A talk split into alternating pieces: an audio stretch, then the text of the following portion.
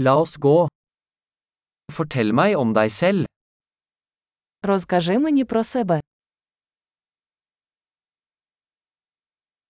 Jeg ser på livet som leketøysbutikken min. Я вважаю життя своїм магазином іграшок.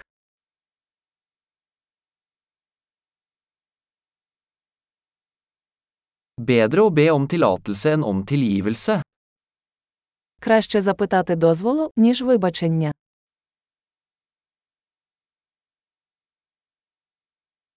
Bare ved feil lærer vi. Лише на помилках ми вчимося.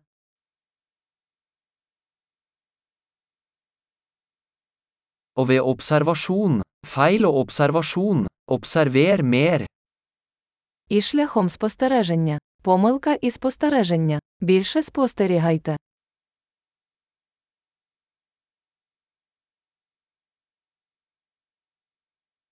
Nå kan jeg bare be om tilgivelse. Тепер я можу тільки попросити вибачення.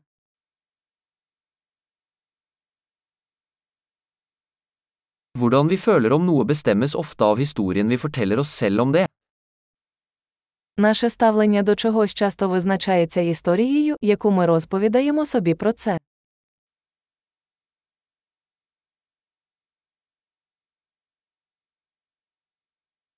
Historien folk forteller oss om seg selv, forteller oss lite om hvem de er, og mye om hvem de vil at vi skal tro at de er. Історія, яку люди розповідають нам про себе, мало говорить нам про те, ким вони є, і багато про те, ким вони хочуть, щоб ми їх повірили.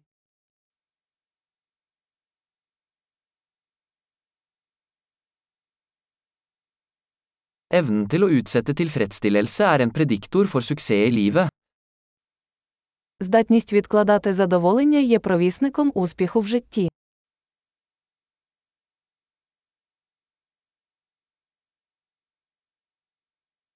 Jeg legger igjen den siste biten av noe velsmakende for å få fremtiden meg til å elske nå meg. Я залишаю останній шматок чогось смачненького, щоб майбутнє я полюбило теперішнього мене.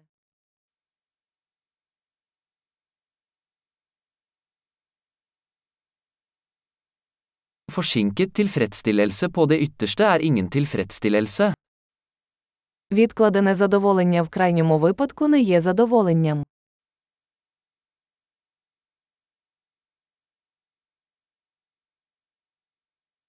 Hvis du ikke kan være fornøyd med en kaffe, så kan du ikke være fornøyd med en yacht. Якщо ви не можете бути щасливі з кавою, ви не можете бути щасливі з яхтою.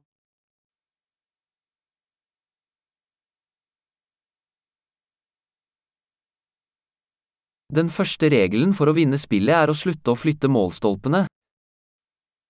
Перше правило перемоги в грі припинити переміщення стійки воріт.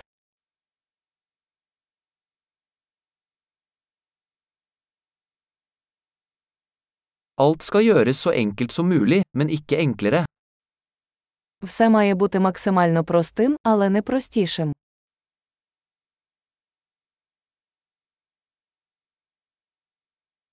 Jeg vil heller ha spørsmål som ikke kan besvares enn svar som ikke kan stilles spørsmål ved. Я волію мати запитання, на які не можна відповісти, ніж відповіді, які не можна поставити під сумнів.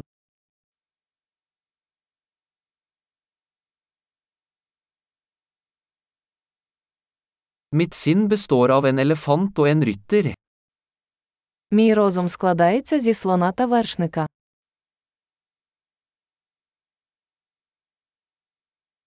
Bare ved å gjøre ting elefanten misliker vil jeg vite om rytteren har kontroll.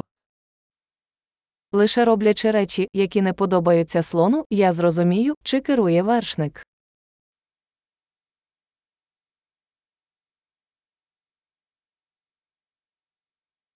Jeg avslutter hver varm dusj med én minutt kaldt vann. Я закінчую кожен гарячий душ одною хвилиною холодної води.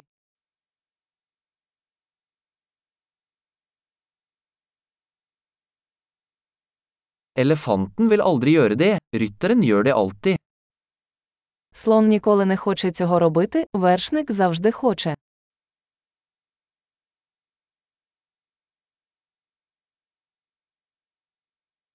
Disiplin er handlingen for å bevise for deg selv at du kan stole på deg selv. Дисципліна це акт доказу собі, що ви можете собі довіряти.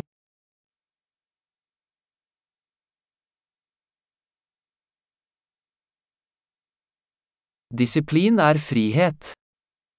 Дисципліна це свобода.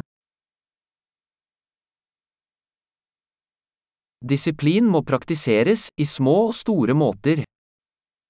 Дисципліну потрібно практикувати як малим, так і великим.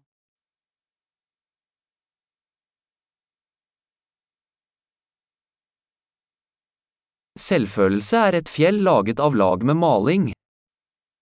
Самооцінка це гора з шарів фарби.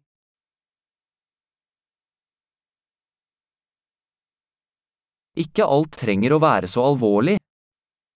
Не все повинно бути настільки серйозно.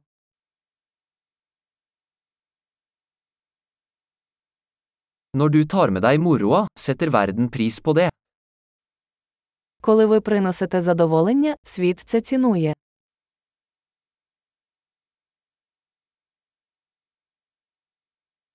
Har du noen gang tenkt på hvor skummelt havet ville vært hvis fisk kunne skrike?